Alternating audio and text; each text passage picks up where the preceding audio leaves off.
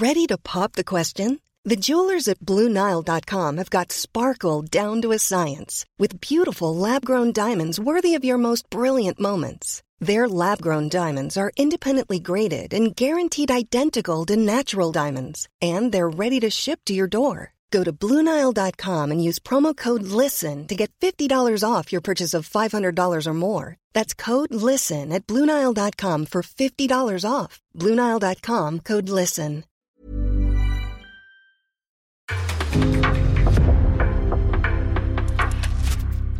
En podcast från Aftonbladet. In the supermarket, you have eggs class 1, class 2, class 3. And some are more expensive than others, and some give you better omelets. That's the wrong information. Wrong, wrong, wrong information. I didn't say that. That's the wrong information. Do you think I'm an idiot? Wrong, wrong, wrong information. Now look at me when I talk to you. Your job is to tell the truth. That's the Sillypodden, det är onsdag eftermiddag. Ehm, klockan börjar närma sig hemgång i alla fall, men eh, vi har en hel del att reda ut för att det, det brakar ju lös här i veckan med alla möjliga uppgifter. Sadio Mané ska lämna, nu är Paul Pogba bekräftar att han, det visste vi ju för sig. Ja, det, det, han- det är ju ingen nyhet direkt när han Ehm, lämnar United. Chouameni på väg till Real Madrid, det ryktas om 100 miljoner euro och eh, ja, läkarundersökning idag eller imorgon, något liknande, det går undan. Mbappé kvar i PSG. Fan det händer grejer, det här blir eh, tecken på en galen sommar framför oss. Så det är så mycket så här spännande spelare ute i Europa som eh, liksom står på någon slags gräns att liksom ta det där nästa klivet och bli den här nya superstjärnan. Det känns som det finns öppningar med jättemånga stora stjärnor som börjar bli till åren. Jag menar, Messi, Ronaldo har vi lämnat lite grann vid det här laget, men också så här eh, Neymar och jag menar vi har Salah Mané här nu som närmar sig 30. Det är liksom, det är, det är läge för en ny generation. Vi pratar om Nkunku, vi pratar om Leao, vi pratar om eh, massa spännande spelare. Eh, och vi kommer prata om dem idag, därför att alla ryktas till Liverpool. Precis. En kunk och Leao dök upp där. Ah, Liverpool, där har vi Nunez och Ja men alla, David alla, varenda anfallare Victor i Europa. Ja. ja, men det, Eh, är väl Såklart, det, men det är klart att det blir så. Eh, Men det är ju helt, det är väl väldigt positivt att det ändå gör det tycker jag. Alltså för att man kände ändå, alltså om vi börjar med, jag tycker ändå ska börja på Sadio Mané någonstans här, för det tycker jag är den stora grejen som är just nu. Och det är ju att han väldigt tydligt har tänkt sig lämna Liverpool, Bayern München är väldigt tydligt intresserade och eh, ja, det finns ju till och med uppgifter om att de ska i princip vara överens. Både PSG och Real Madrid ska ju ha varit intresserade också, även Barcelona har rapporterat vara intresserade, men Mané ska känna att ja men i Bayern München får jag vara stjärnan. Ja. Det är det han inte fick vara i Liverpool, där han varit i skuggan av eh, Mohamed Salah, både sett till ja, liksom uppskattning stundtals från supporterled också, men även sett till eh, ja, lönekuvertet eh, och förtroende och så vidare. Och Mané är ju en så pass bra spelare, han, han vill väl liksom ha stjärnrollen nu och då passar ju Bayern med Bundesliga som man kan.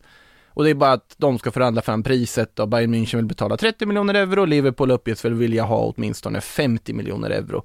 Eh, vilket jag tycker är en ganska rimlig värdering av honom, 50 det vill säga då, sett till kvaliteten han besitter. ja, och ett år kvar på kontraktet eh, påverkar ju såklart eh, den här eh, Ja, prisbilden. ja, annars skulle han ju vara betydligt mycket dyrare om vi säger så. Så är det. Eh, vet du vad?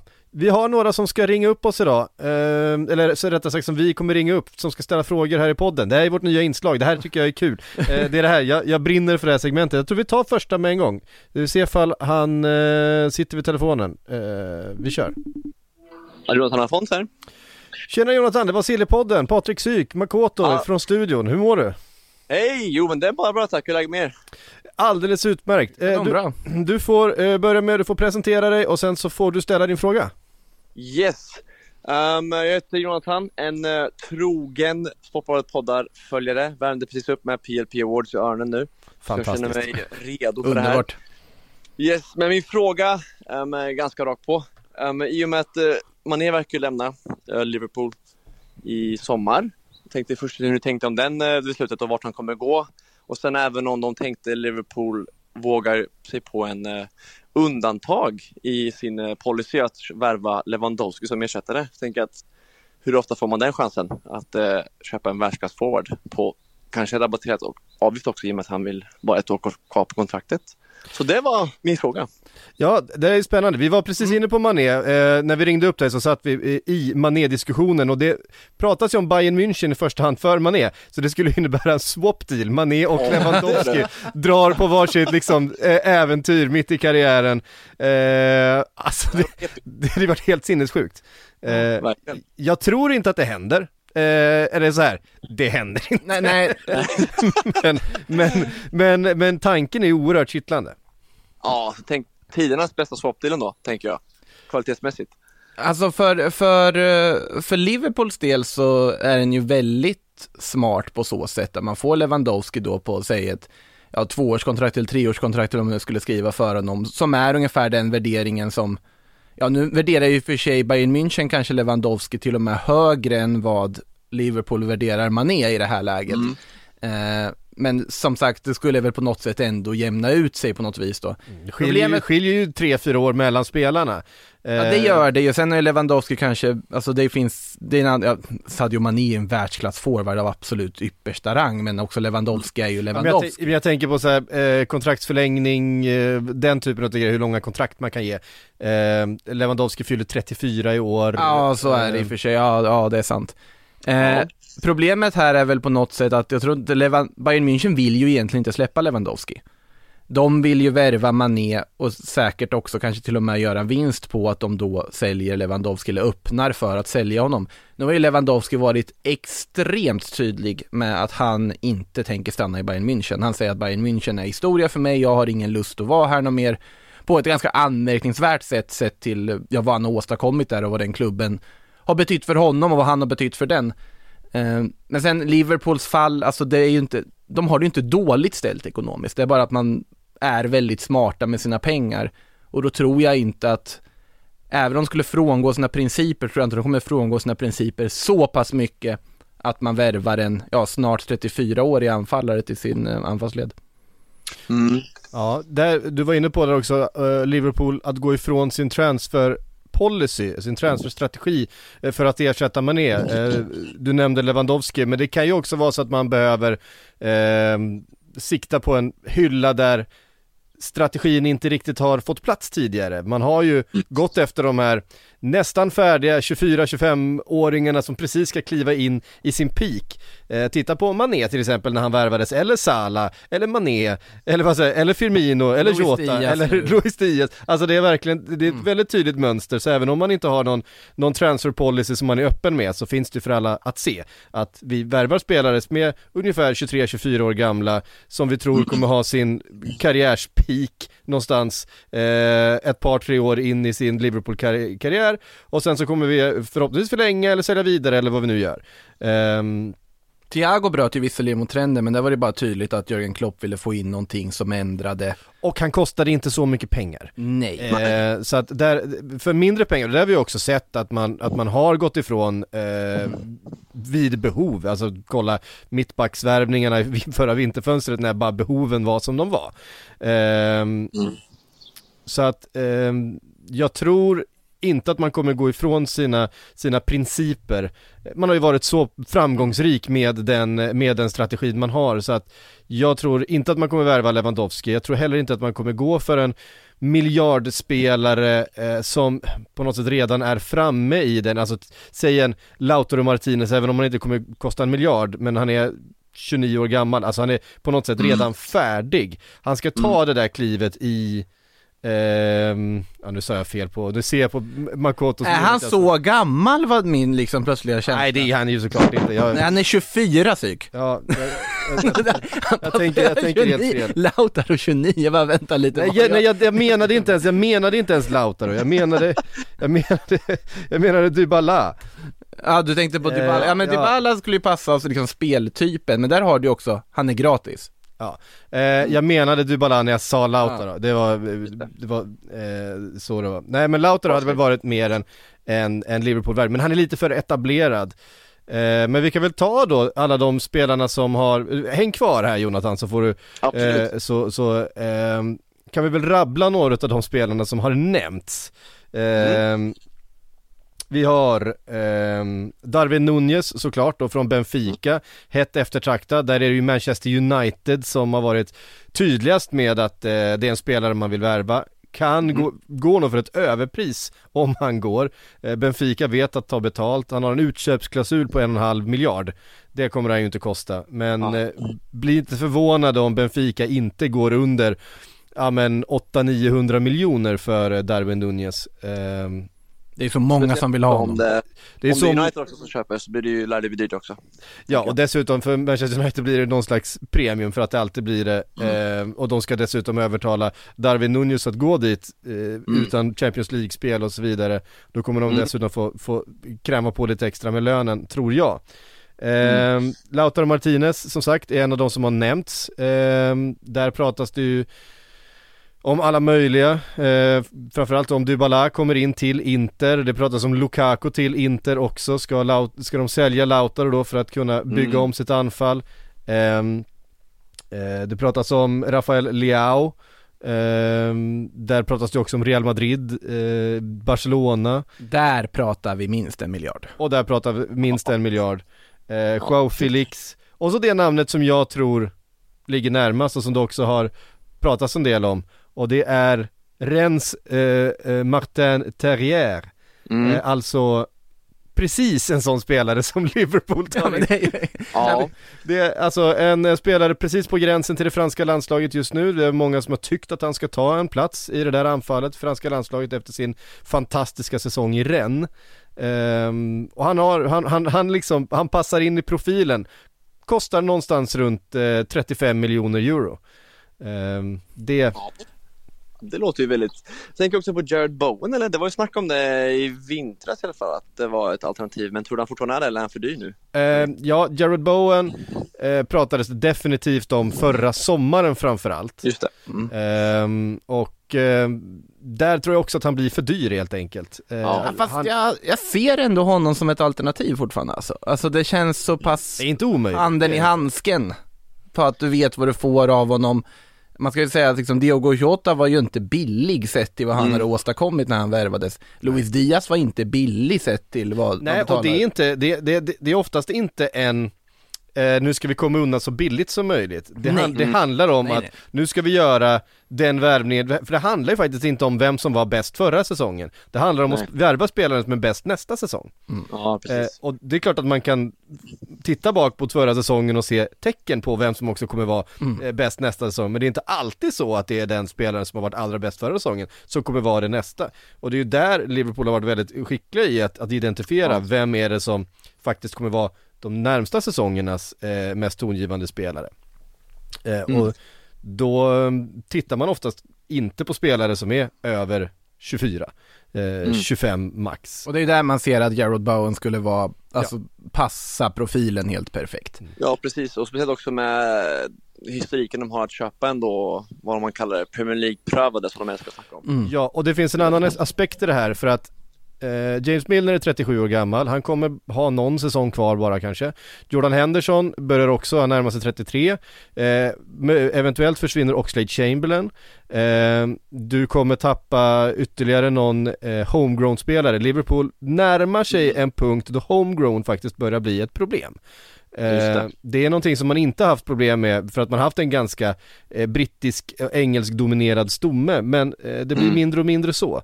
Eh, Mm. Vilket gör att om, ja men, se vilka spelare har vi här, men, men bland annat Oxlade Chamberlain eh, kommer ju med all sannolikhet att försvinna. Joe Gomez är väl inte otänkbart Eh, om han Gom- verkligen vill bort för att få speltid. Joe Gomez är inte heller otänkbart att han eh, kommer lämna. Nu har man visserligen fått in eh, Carvalho som fyller eh, Ja. homegrown-kvoten men eh, om man säger så här, om man tittar på de närmsta tre, fyra spelarna som Liverpool kommer värva så kommer homegrown eh, spela roll. Det kommer kanske inte vara en faktor i Mm. just den här värvningen eller inte ens nästa men tredje eller fjärde så kommer det nog eh, spela in eh, ganska mycket. Och en klubb som Mm. Liverpool idag tittar ju redan på den tredje, fjärde värvningen och skulle mycket väl kunna anpassa sig redan nu för att inte ha det bekymret De ifall rätt klubb, alltså rätt spelare är tillgänglig i det här läget. De ligger ju där framme i planeringen, Ja. så, så fungerar de ju. Eh, finns en anledning till varför de har liksom uppvaktat Jude Bellingham i ett och ett halvt år, därför Precis. att de har också sett homegrown eh, i framtiden eh, som någonting som de måste adressera på ett eller annat sätt. Ehm, så så är det. Eh, vem skulle du helst vilja ha, eh, Jonathan? Nej men i och med att ta in alla de här faktorerna skulle jag nog faktiskt säga antingen Bowen eller Nunez. Jag tycker Nunez är sjukt spännande spelare och definitivt håller har den här potentialen. Så att jag hade gärna velat se honom i Premier League och se om han hade pallat trycket där. Ja, Um, jag tror att han nog passat perfekt bäst av dem. Han är mest Sadio Mané-lik av dem med sin snabbhet och sin spelskicklighet. Så Ja. jag tror nog Nunez, men uh, andra val hade varit Joe Bowen alltså. Uh, Mm. Hade ju också varit smart att, uh, ja just med homegrown-principen som sagt. Så att, ja, det är väl de två, tänker jag. Mm, grymt. Hörru du, tusen tack för att du ringde. Ja, självklart. Sjukt kul! Lycka till hörni med att lösa allt det här. Ja, vi, vi, vi, lö- vi löser det här. Vi löser det här, det, det gör vi här i poddstudion. Fint. Ja, Ha en, det är skön, bra det. ha en skön onsdag. Hej på er! Hej då. Hej. Eh, ja men vi går vidare då, eh, för att det, det här kommer vi få prata om ganska länge. Det, det är inte så att det, det finns en, eh, en ersättare klar. Däremot så tror jag inte att vi kommer behöva vänta, om det är så att Liverpool tänker sig att de ska ha in en, en spelare den här sommaren för att ersätta Mané. Nu kan man ju tänka sig att ja, Salah kommer vara kvar, man har Jota, man har Firmino, eh, Luis Diaz har kommit in, det är fyra ganska starka spelare, Fabio Carvalho kommer in som en ersättare till Ja, för Minamino Rigi, den rollen kommer få en del speltid men inte starta kanske eh, så mycket. Ja, vi får se. Eh, men Det- uttryckligen verkar det vara så att de, de tittar på en ersättare, de ska fylla den här, den här Mm. det är också oerhört mycket matcher nästa säsong. Det är ett VM mitt i, det kommer vara stökigt, det kommer behöva roteras mycket, man behöver en, en enormt bred trupp helt enkelt. Mm. Ehm, Nej, de, de, det, men som sagt, bara det faktum att det börjar pratas ganska mycket om ersättare tycker jag är ett positivt tecken, för man kände ju ändå att de kanske nöjer sig med att Luis Diaz var ersättare. Nu verkar det som att man inte, inte gör det och det tycker jag är helt rätt drag av Liverpool.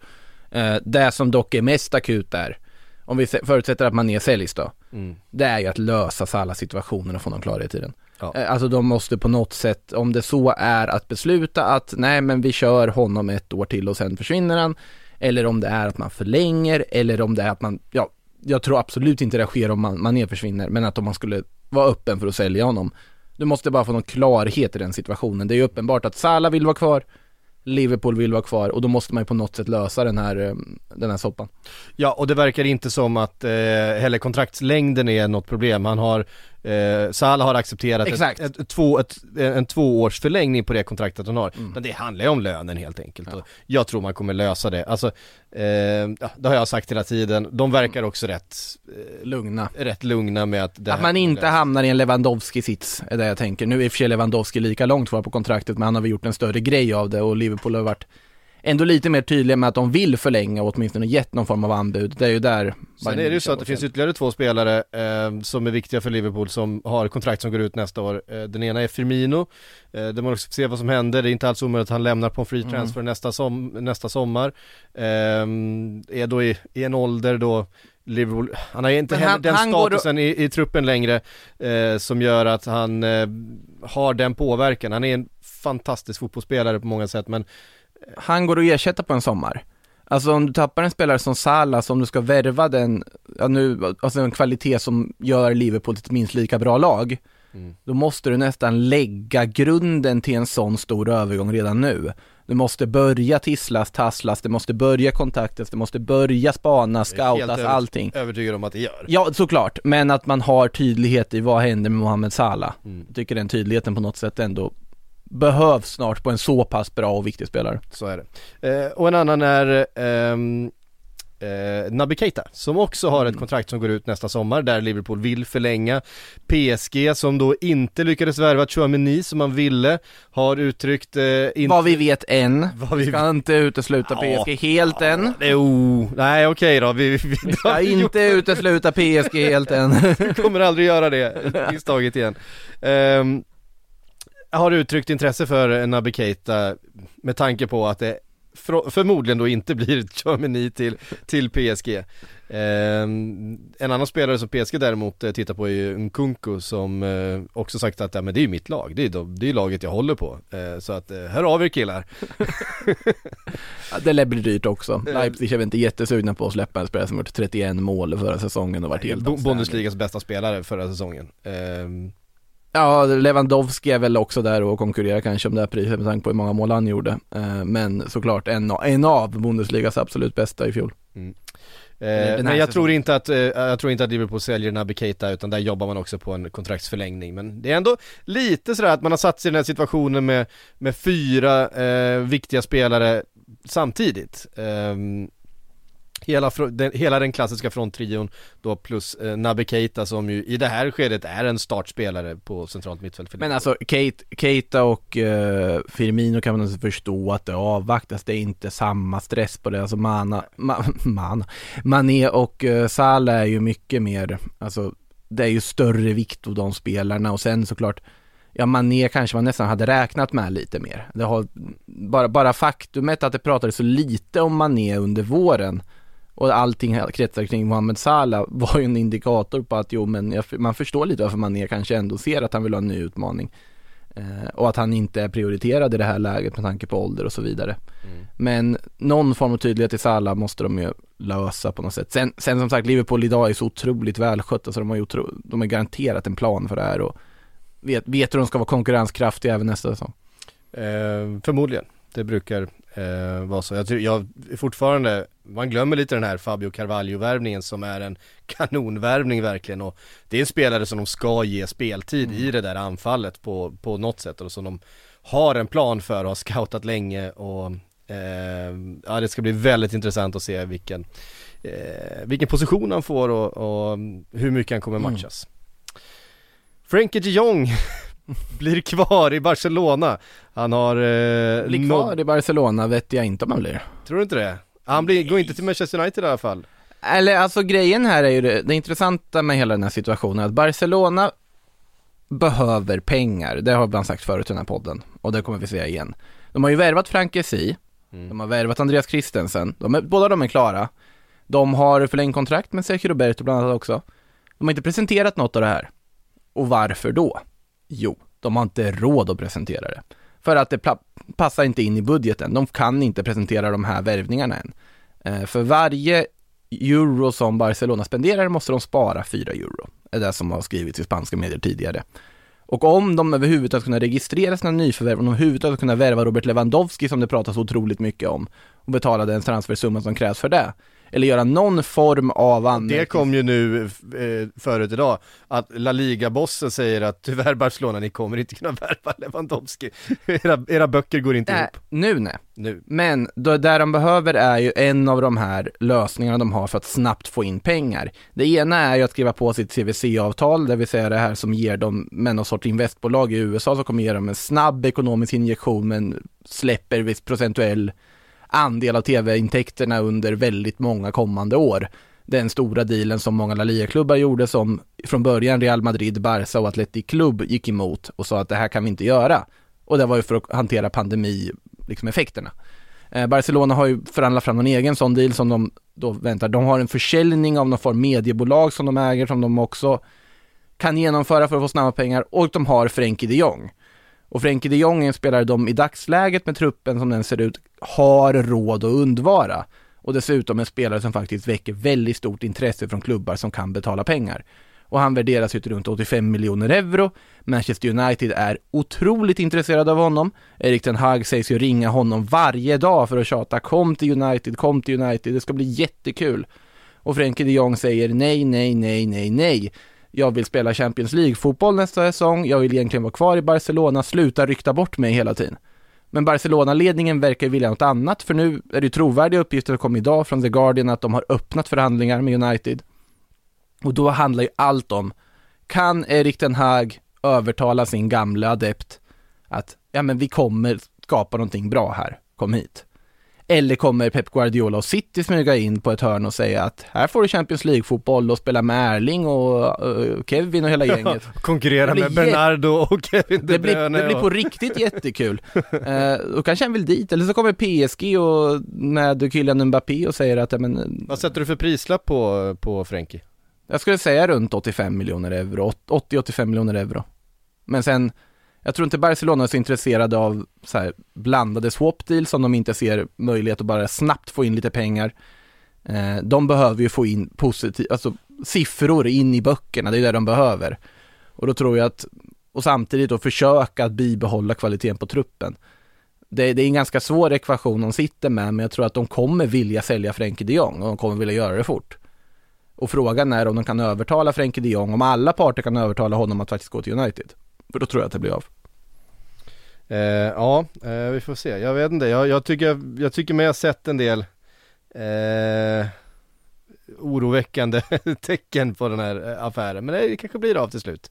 Eh, Det känns som att det skulle ha hänt Vart mer. ska han hamna då? Nej, det är det som är frågan. För jag tror inte. Barcelona, äh, Barcelona har nog inte råd att bara sitta där. De måste nog sälja honom om de ska göra de här värvningarna de ska göra. Och man kan tycka vad man vill om att man säljer Frenkie de Jong och köper Robert Lewandowski, men det kommer generera positiva siffror att göra det. För trots allt, de ska absolut inte sälja Pedri, de ska absolut inte sälja Ansu Fati. Och ja, Gavi pratas det ju mycket om också som även Liverpool har kopplats med som skulle kunna vara en försäljning, men där vill de också förlänga för de vill ha den här homegrown-basen med unga La Masia-spelare på det sättet som de har byggt sin framgångssaga tidigare. Mm. Och då är Frenkie de Jong den man kan på något sätt offra.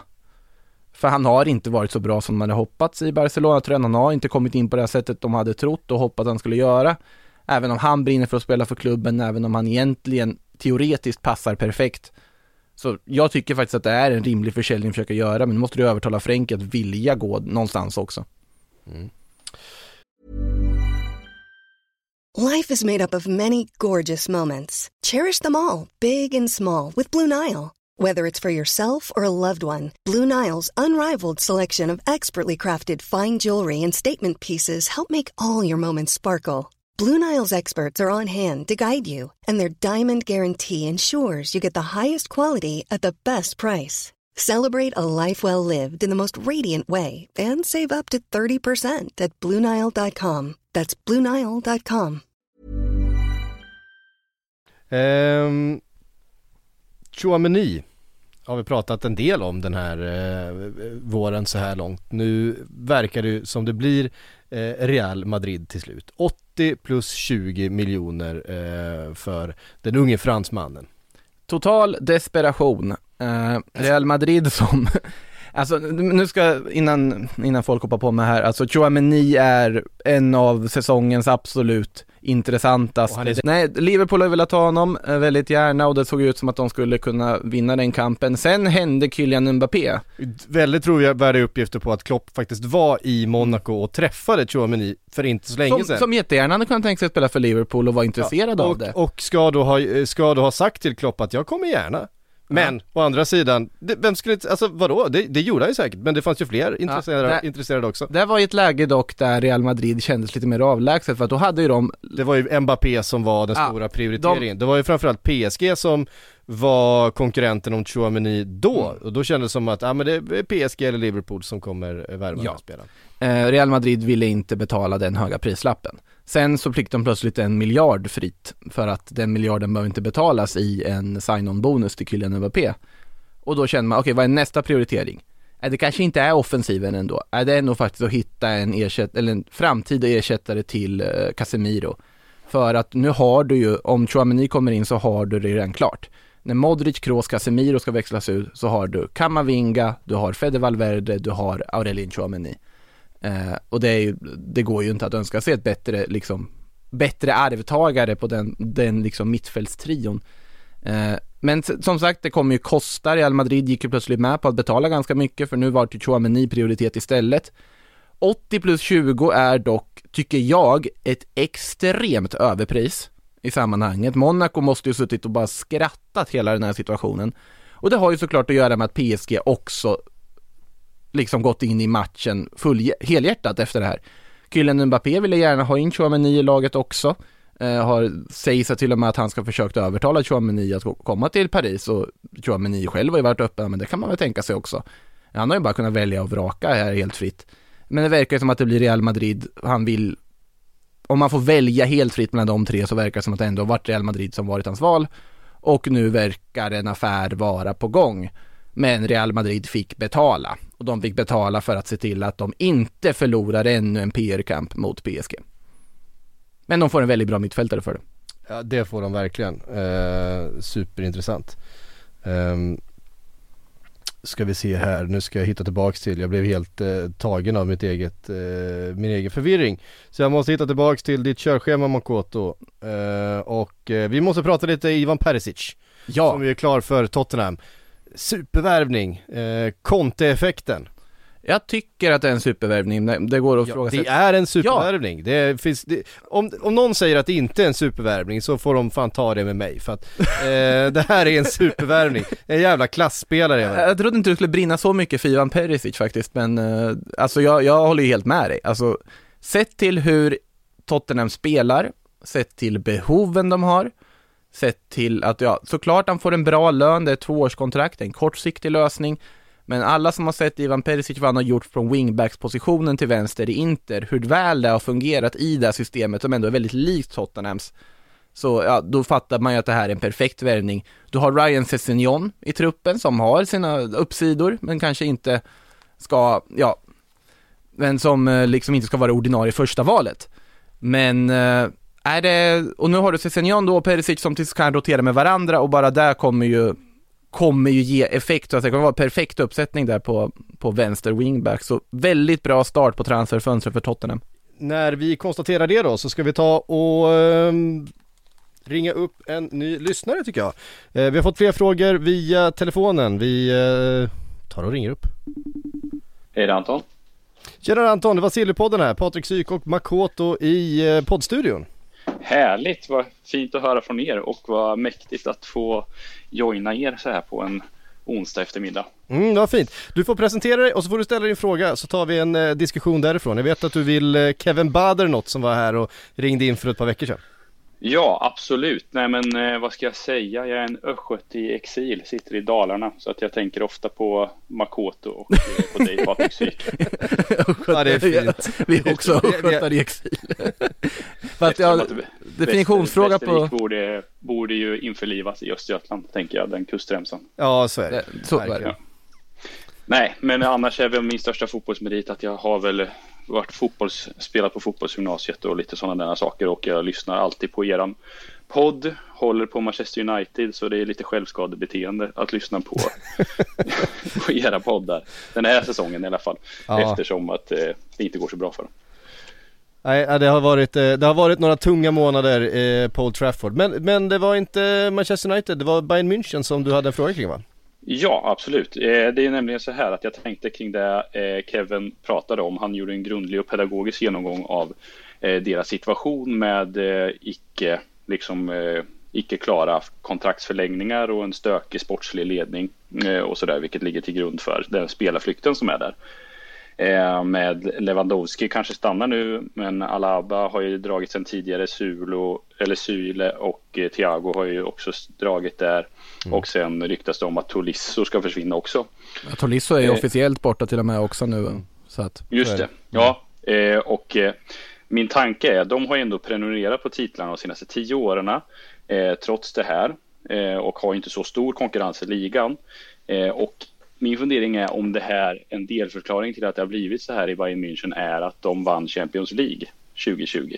Att de då har inga utmaningar kvar och att det liksom saknas någon, eh, någon form av ja, något form av mål för föreningen.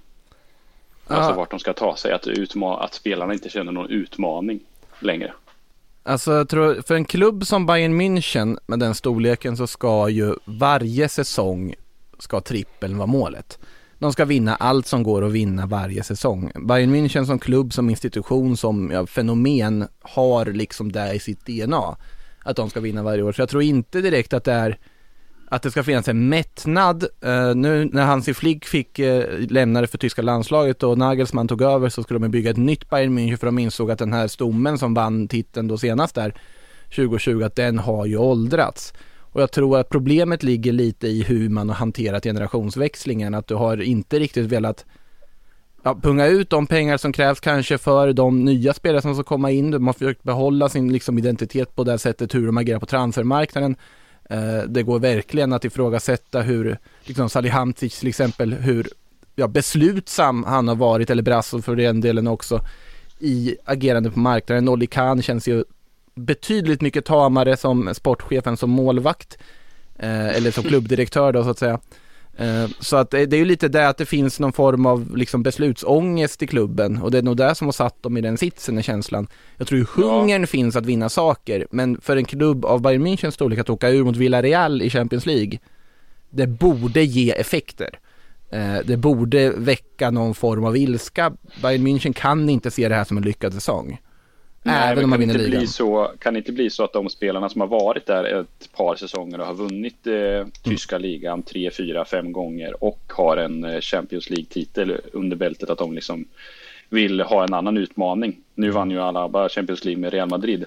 Eh, och jag tänker i förlängningen, det kanske, ja, det kanske motsäger sig utifrån det ert resonemang eller ditt resonemang Makoto, att PSG och till viss del Manchester City som är i en liknande situation, att det skulle kunna bli så att eh, spelare vill gå någon annanstans om de skulle vinna Champions League.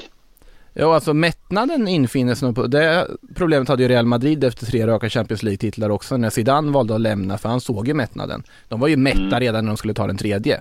Att de tog sig hela vägen till det är nästan ett större mirakel än att de vann titeln i år, vilket också till viss del är ett mirakel. Jag, jag, tror att, jag tror att det finns en annan förklaring också. Det är helt enkelt så att Bayern München lider också, precis som resten av fotbollseuropa, på den ekonomiska dominansen i, eh, i England. Mm. Eh, vi ser det på att spelare väljer, ja men Kai Havertz och Timo Werner drar till Chelsea istället för att gå till Bayern München. Eh, Haaland väljer Manchester City istället för att gå till Bayern München. De bästa spelarna i Bundesliga, de kan inte konkurrera om de bästa spelarna i Bundesliga längre som var deras bread and butter. Det här var spelare som var nailed on för, för Bayern München, om du bara går tillbaks 5-10 år sedan. Så hade, så hade eh, Kai Havertz spelat för Bayern München nu. Och det hade Timo Werner också gjort. Och det hade Haaland, och alla hade inte lyckats, men de hade varit där och, och de, hade, de, hade, de hade varit där och, och, och gjort en vända före de hamnar någon annanstans.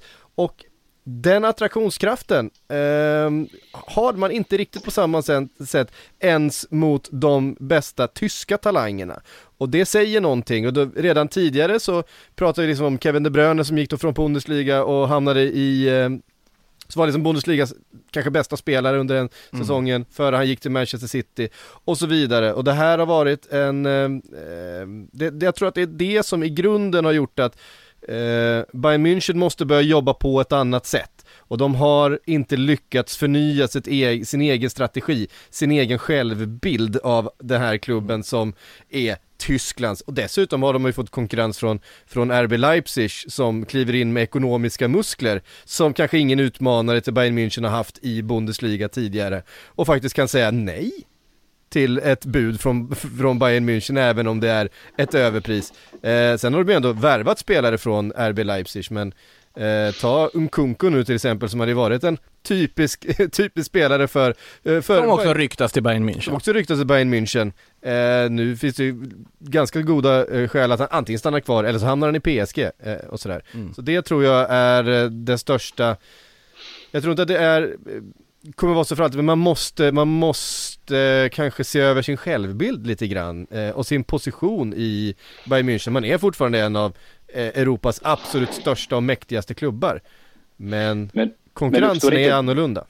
Uppstår inte ett nytt problem då eftersom att eh, Bayern München har som tradition att, eh, som många andra klubbar såklart också, men kanske Bayern München i ännu högre utsträckning, att använda sig av gamla spelare. Och om de har gamla spelare som har den här självbilden som vi pratar om, som är Absolut. liksom lite på tör nu, att de inte kan ta sig ur den problematiken för att de skulle behöva ha Gamla spelare, kan- gamla spelare generellt eh, är, är inte alltid optimalt och framförallt i skeden då man måste förändra en, en struktur eller eh, om det är någonting som gamla spelare, gamla Bayern München-spelare är och bidrar med så är det ju en kontinuitet av någonting som har funkat tidigare. De är ju resultat och produkter utav, utav ett system och ett tankesätt och det är det de för med sig. Och vill man ha det, men då funkar ju det bra liksom att, att fylla på underifrån med, med legendarer och, och, och så vidare. Eh, men måste man se över sin verksamhet, alltså måste man börja agera på ett nytt sätt, ja då kanske du måste ha in någon utifrån, då kanske du måste ha in någon, någon helt utifrån. Eh, Där är alltså Nagelsmann-utnämningen är ju ett steg i den riktningen. Absolut, jag tror att, de är ganska, jag tror att de, de är ju inte dumma, de är medvetna om det här också. Ja. Men det tar tid och det, framförallt det, kultur är det svåraste att förändra i en, Mm. eh, i en fotbollsklubb. Ehm, och, men Men det, de, de är nog lite ställda av situationen när det är Robert Lewandowski som vill lämna och inte de som vill bli av med Lewandowski. Mm. Det, det är en situation de väldigt sällan ställs inför. Ja. De ställs väldigt, så att historiskt sett väldigt sällan haft spelare som vill bort från dem. och Alaba tidigare. Ja, det också. Ja, Mm. men kan det vara så då att de sätter sig i en sån här problematik eh, också eftersom att de är vana vid att få exakt vad de vill på den tyska marknaden utan att behöva betala bäst lön till exempel. Eh, och Mm. att det då, nu har de ju en bra tränare i Nagelsmann, men att de i framtida tränarrekryteringar kan vara så att man inte vill gå dit för att man kanske inte kan få det spelarmaterialet som man vill ha. Ja, alltså att träna en klubb som Bayern München tror jag nog lockar oavsett uh, för tränare men samtidigt de kan inte konkurrera om de absolut, absolut bästa de mer. Eh, och de, och det, så jag tror att det Psyke är inne på är, stämmer också just det här med att de inte kan konkurrera på sin egen hemmaplan. Jo visst, de, de plockade allt som RB Leipzig hade att erbjuda förra sommaren, ska ju sägas också när de, när de värvade ja, Upamecano, de värvade Sabitzer som i och för sig varit en flopp eh, och Nagelsmann på ett bräde plockar bästa backen, bästa mittfältaren och deras tränare, puff, klart. Mm. Och nu vill de ju ha Konrad Leimer också.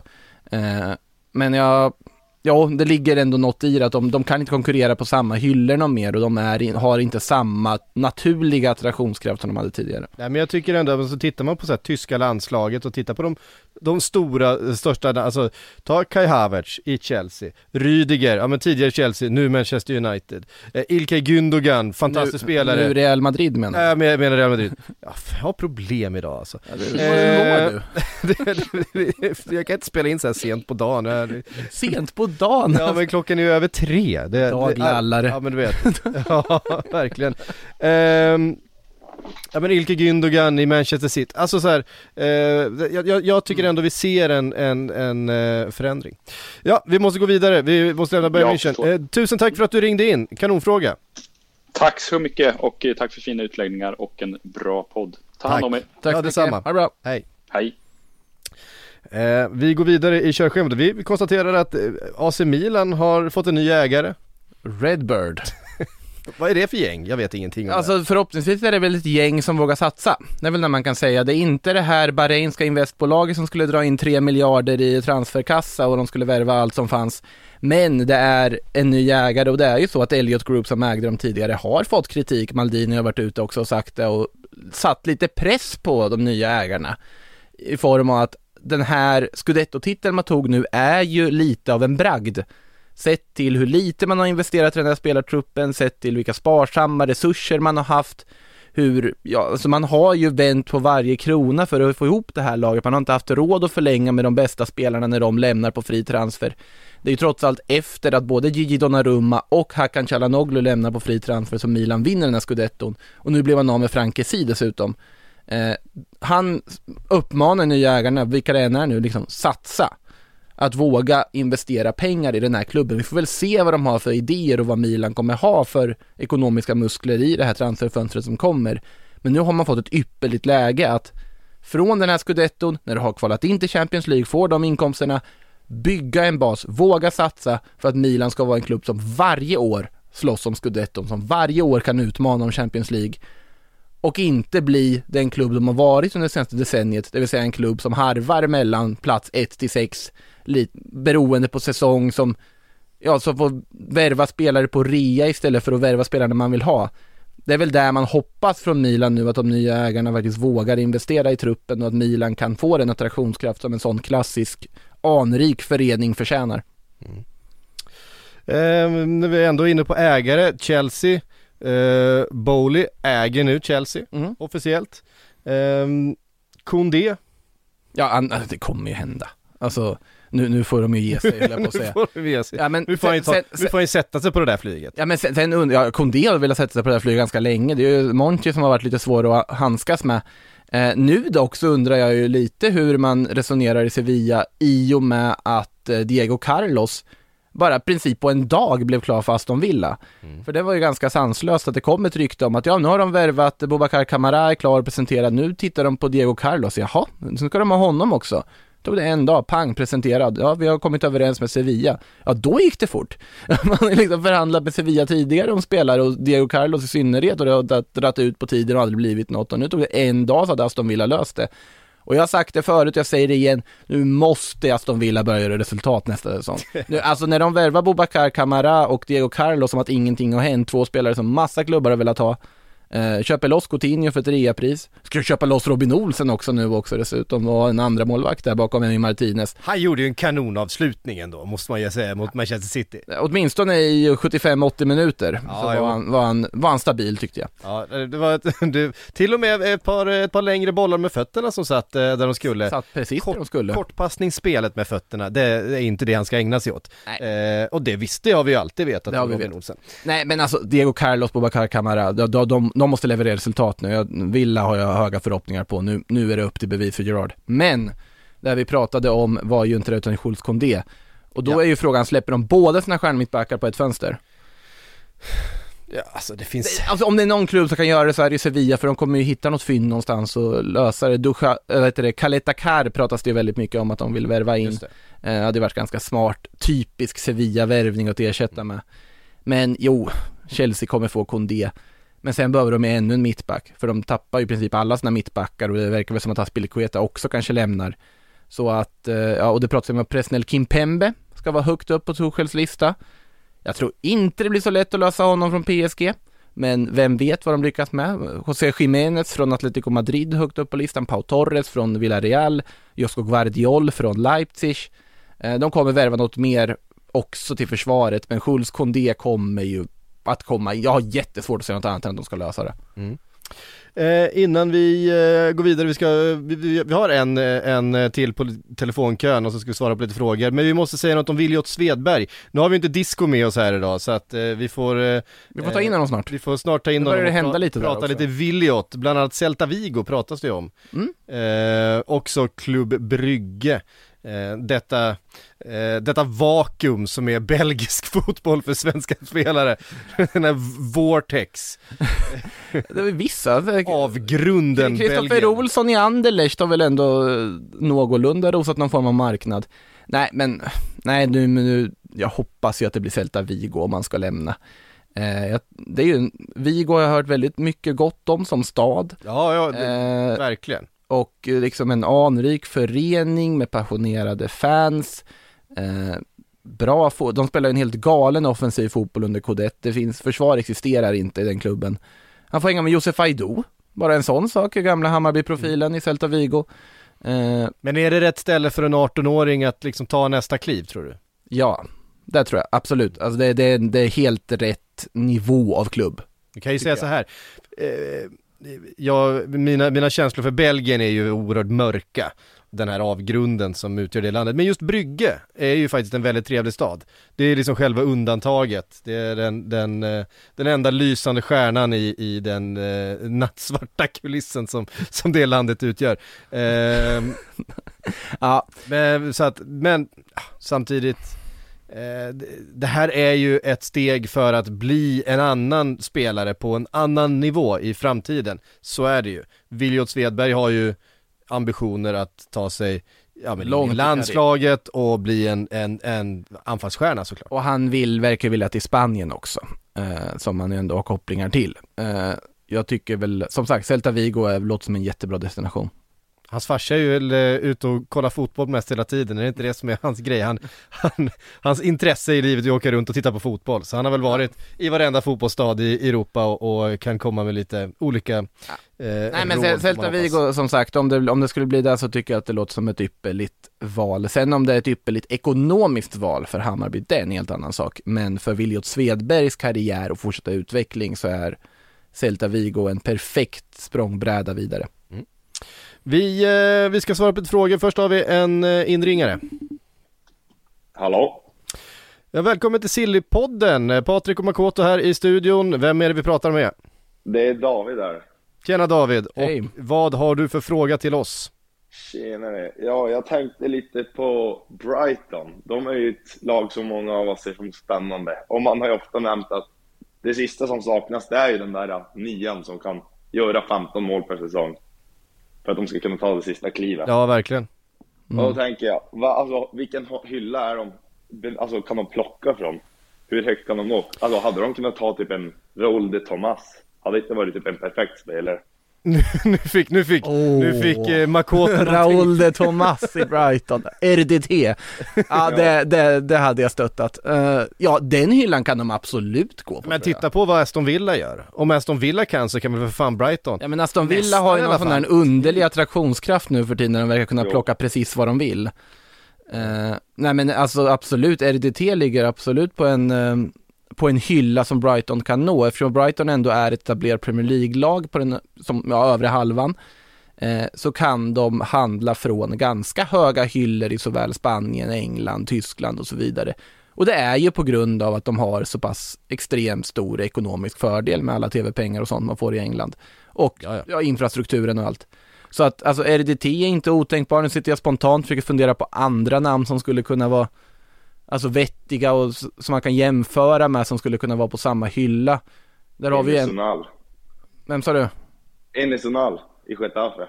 Ja då tar jag ju garanterat hellre RDT om vi säger så. Eh, Jo, men jag tänkte vara lite andra ifall de kunde plocka just han. Ja, Ynal är ju en lägre men absolut. Sen, sen är ju jag personligen, har ju aldrig sett storheten i Enes Ynal, men det, det, det är en annan sak.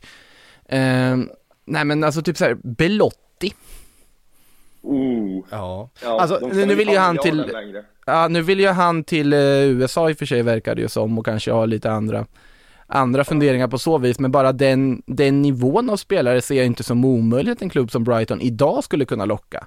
Ja, hade de kunnat nå, alltså så som typ om en ska, en ska macka om ingen stor klubb vill gå in och ta det. För jag tror att det blir, alltså att de ändå vill gå lite högre.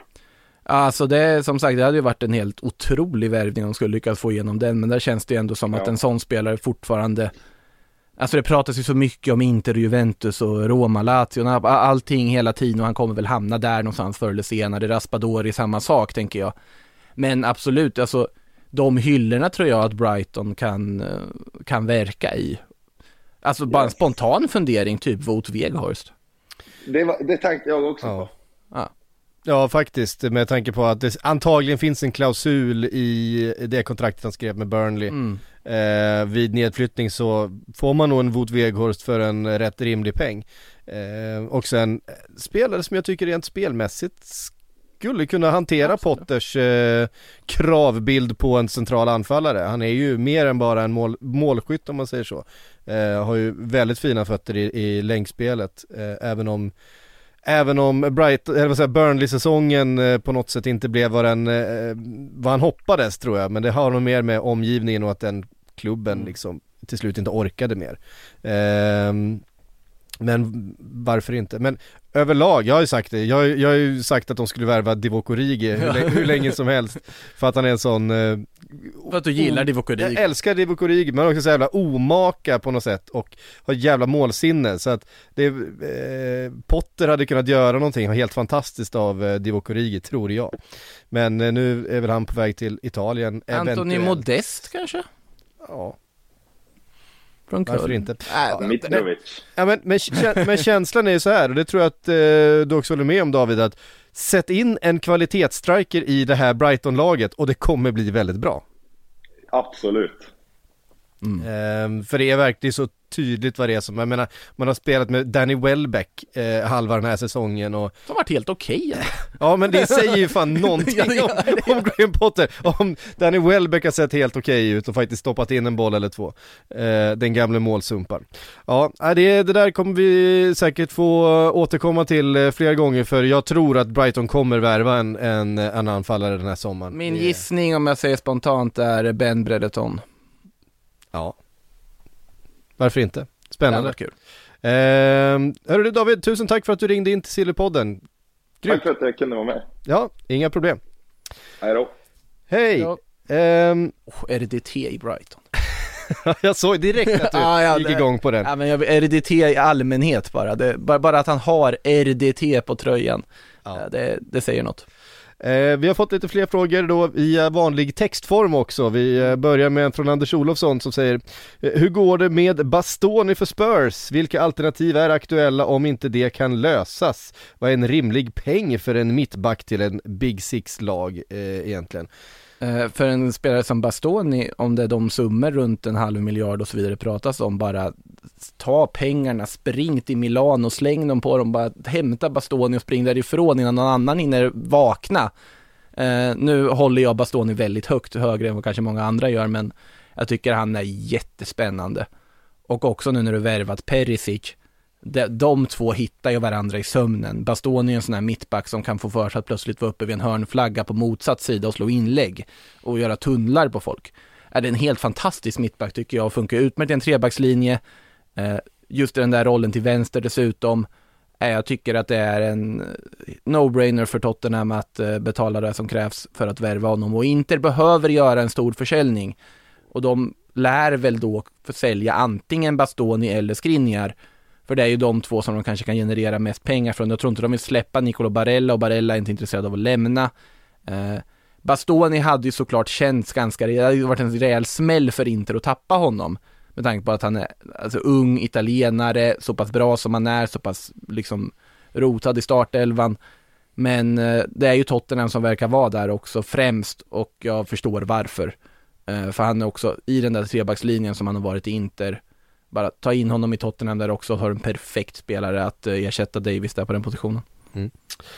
Eh, Adam Westfält eh, skriver så här, Jesper Karlsson snackar om att han är redo för nya äventyr. I vilken nivå av klubb skulle han kunna gå in? Hur stort steg är han ens redo att ta? Ja, alltså det, det är ju svårt det där, det där steget är så svårt. Jag, skulle säga att det, det, är lättare att gå från allsvenskan till, till Holland och göra bra ifrån sig än vad det är att gå som allsvensk eller som svensk från Holland ut till någon av de större ligorna och sätta avtryck. Det... Brighton. ja, varför inte, varför inte till Brighton? Nej men alltså jag har sagt ja, det, är, det, är, det är tufft att gå till Premier League, det är, det är Ja, men eh, alltså jag har sagt tidigare att man ska vilja se honom på övre halvan i La Liga eller Serie A eller Bundes, men alltså som sagt han har ju det där kontraktet han har skrivit på, det är inte så lätt att bara flytta sig därifrån, det är många intressanta offensiva spelare som finns tillgängliga som inte hade kostat lika mycket som jag tror Jesper Karlsson skulle göra.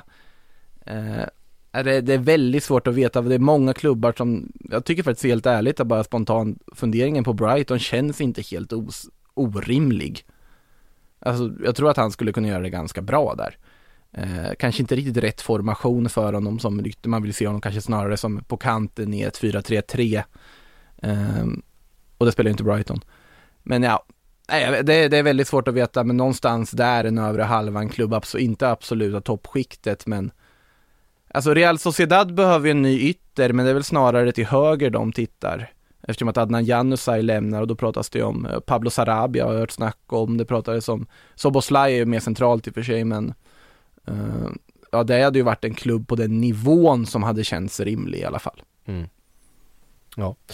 Uh, ja, vi får se. Det, man, vill ju, man vill ju att de ska få chansen någon annanstans uh, när de är heta, svenskarna. Mm. för att det är, det är på något sätt något, en annan sak att vara het, göra mycket mål i, i Holland och Eredivisie och att göra det någon annanstans. Det, det, det, är, det är en skillnad. Det, det, är en skillnad. Just offensiva spelare kan liksom glänsa, man hade, man hade glänsa i Holland på något sätt som eh, är svårt att replikera någon annanstans. Vi hade ju reagerat mer om Jesper Karlsson hade gjort en säsong han hade gjort i Porto. Ja, gud Än ja. om han hade gjort den i, liksom, som han gjort nu i, i Eredivisie. Ja, För att verkligen. det är på något sätt så pass slentriant att se svenskar lyckas Ja på men den så här, som, som scenen. winger trycka in 17 mål på en säsong, ja men det, det är väl alltid en svensk som gör 17 Ja men kul, han fick vara med i truppen. Alltså, det, ja, men det, ja men lite så, alltså så här, eh, men om man gjort det i Porto eller Benfica eller Sporting hade vi nog reagerat mer, även om portugisiska ligan inte nödvändigtvis är så mycket bättre än vad den nederländska är. Det, det är i alla fall känslan. Nej men det hade varit kul att se honom i en Big Five-liga. Absolut. Eh, Daniel Gunnars skriver, eh, om vi ser på mittbacksfrågan i United, vad sägs om swap deal mellan Erik Bajy och Pau Torres? Samt lite pengar emellan från United. Ganska mycket pengar emellan. Ja, det, det får nog bli en ganska rejäl slant då. Ja. Det, det, absolut, det, jag ser inte varför United skulle säga nej till det om vi säger så. Nej, det, Eh, sen- men det har sagt, Erik Bajy var jättebra i Villarreal en gång i tiden och jag skulle absolut kunna tänka mig att typ Erik Bajy skulle kunna hamna i Villarreal om de måste ha en ersättare för Pau Torres. Eh, men nej, inte en direkt swap till United, det tror jag inte. Nej, han har en, fortsättning på United-spåret också. Känns inte Martial väldigt Serie A-kompatibel? Jo, till viss del. Men det är väl, han var ju ganska kompatibel med att gå till Sevilla också, men det var ju ingen succé direkt. Eh, nu, jag är ju inte helt uteslutit funderingen att han kanske faktiskt inte är klar i United. Att han på något sätt skulle kunna vara ett truppkomplement när man kommer längre fram in i augusti. Du har inte fått in den offensiva förstärkningen du behöver. Eh, Erik Ten Hag har imponerats vad han har sysslat med på försäsongsturnén. Är det helt otänkbart att han kan få en renässans i United? Jag vet inte om det är det alltså. Nej, otänkbart är det inte. Det finns Det är ingen det, dålig finns, anfallare. Nej, det finns ju fan, otrolig kvalitet i honom. Ja. Alltså, eh, första säsongerna i Manchester United där, när klubben också mådde lite bättre, eh, så kändes det som att han var en av ligans allra bästa spelare en mot en, att han eh, verkligen var en, eh, en spelare som, och jag minns att första gången det började ryktas om att ah, han kanske inte riktigt trivdes i klubben och så här. och man tänkte liksom, åh, tänk vad Martial skulle kunna göra i Liverpool liksom. Eh, och att det var en spelare som, ja, om han hade tillhört en annan klubb, definitivt man hade eh, värvat in och kunnat stoppa på den där vänsterkanten, eh, då när man hade Mané till höger och man höll på att liksom bygga någonting. Nu har det ju liksom gått åt andra hållet och han är väl eh, en av de som har drabbats hårdast utav den här eh, kaoset som har varit i, i klubben och den här dåliga stämningen. Han har ju verkligen blivit eh, negativt påverkad utav det. Eh, och, och petningar och sådana här saker, det har ju bara blivit sämre och sämre för varje, varje säsong som har gått där. Eh, men, typ- det är en klassspelare i grunden, det, är- det är jag fortfarande eh, övertygad om att det, det har man ju sett i, när han var yngre, hur, hur eh, pigg och frejdig han var på något sätt. Ja men säg, säg så här då, uh, Inters kinesiska ägare bestämmer sig för att ändå sälja Lautaro efter mycket om och men, hittar någon köpare till honom, ja, vi måste ha en ersättare, har inte lyckats lösa någon, Lukaku blev inget av, eller man kanske värvar Lukaku också då. Och sen bara, ja men varför inte, vi, vi tar Martial på lån med köpoption. Det är väl inte helt otänkbart heller. Nej, det är inte otänkbart. Eh, hörru du Makoto, det var allt vi hann för den här gången. Sillypodden är tillbaka nästa vecka igen. Då ska vi följa upp allt det vi pratade om eh, idag, såklart. Det blir ju så. Vi pratar om ungefär samma det saker kom- det- varje vecka. ja, men det det, kom- med, kommer något lite, med, med lite nya nyanser och lite nya rykten och Lite nya röster idag också. Och lite nya röster idag. Kanske lite några nya röster igen då nästa vecka. Vi får se. Det går alldeles utmärkt att höra av sig om man vill ställa en fråga direkt till oss här. Det tycker vi piggar upp lite grann. Ehm, men härifrån så säger vi eh, tack för oss och på återhörande.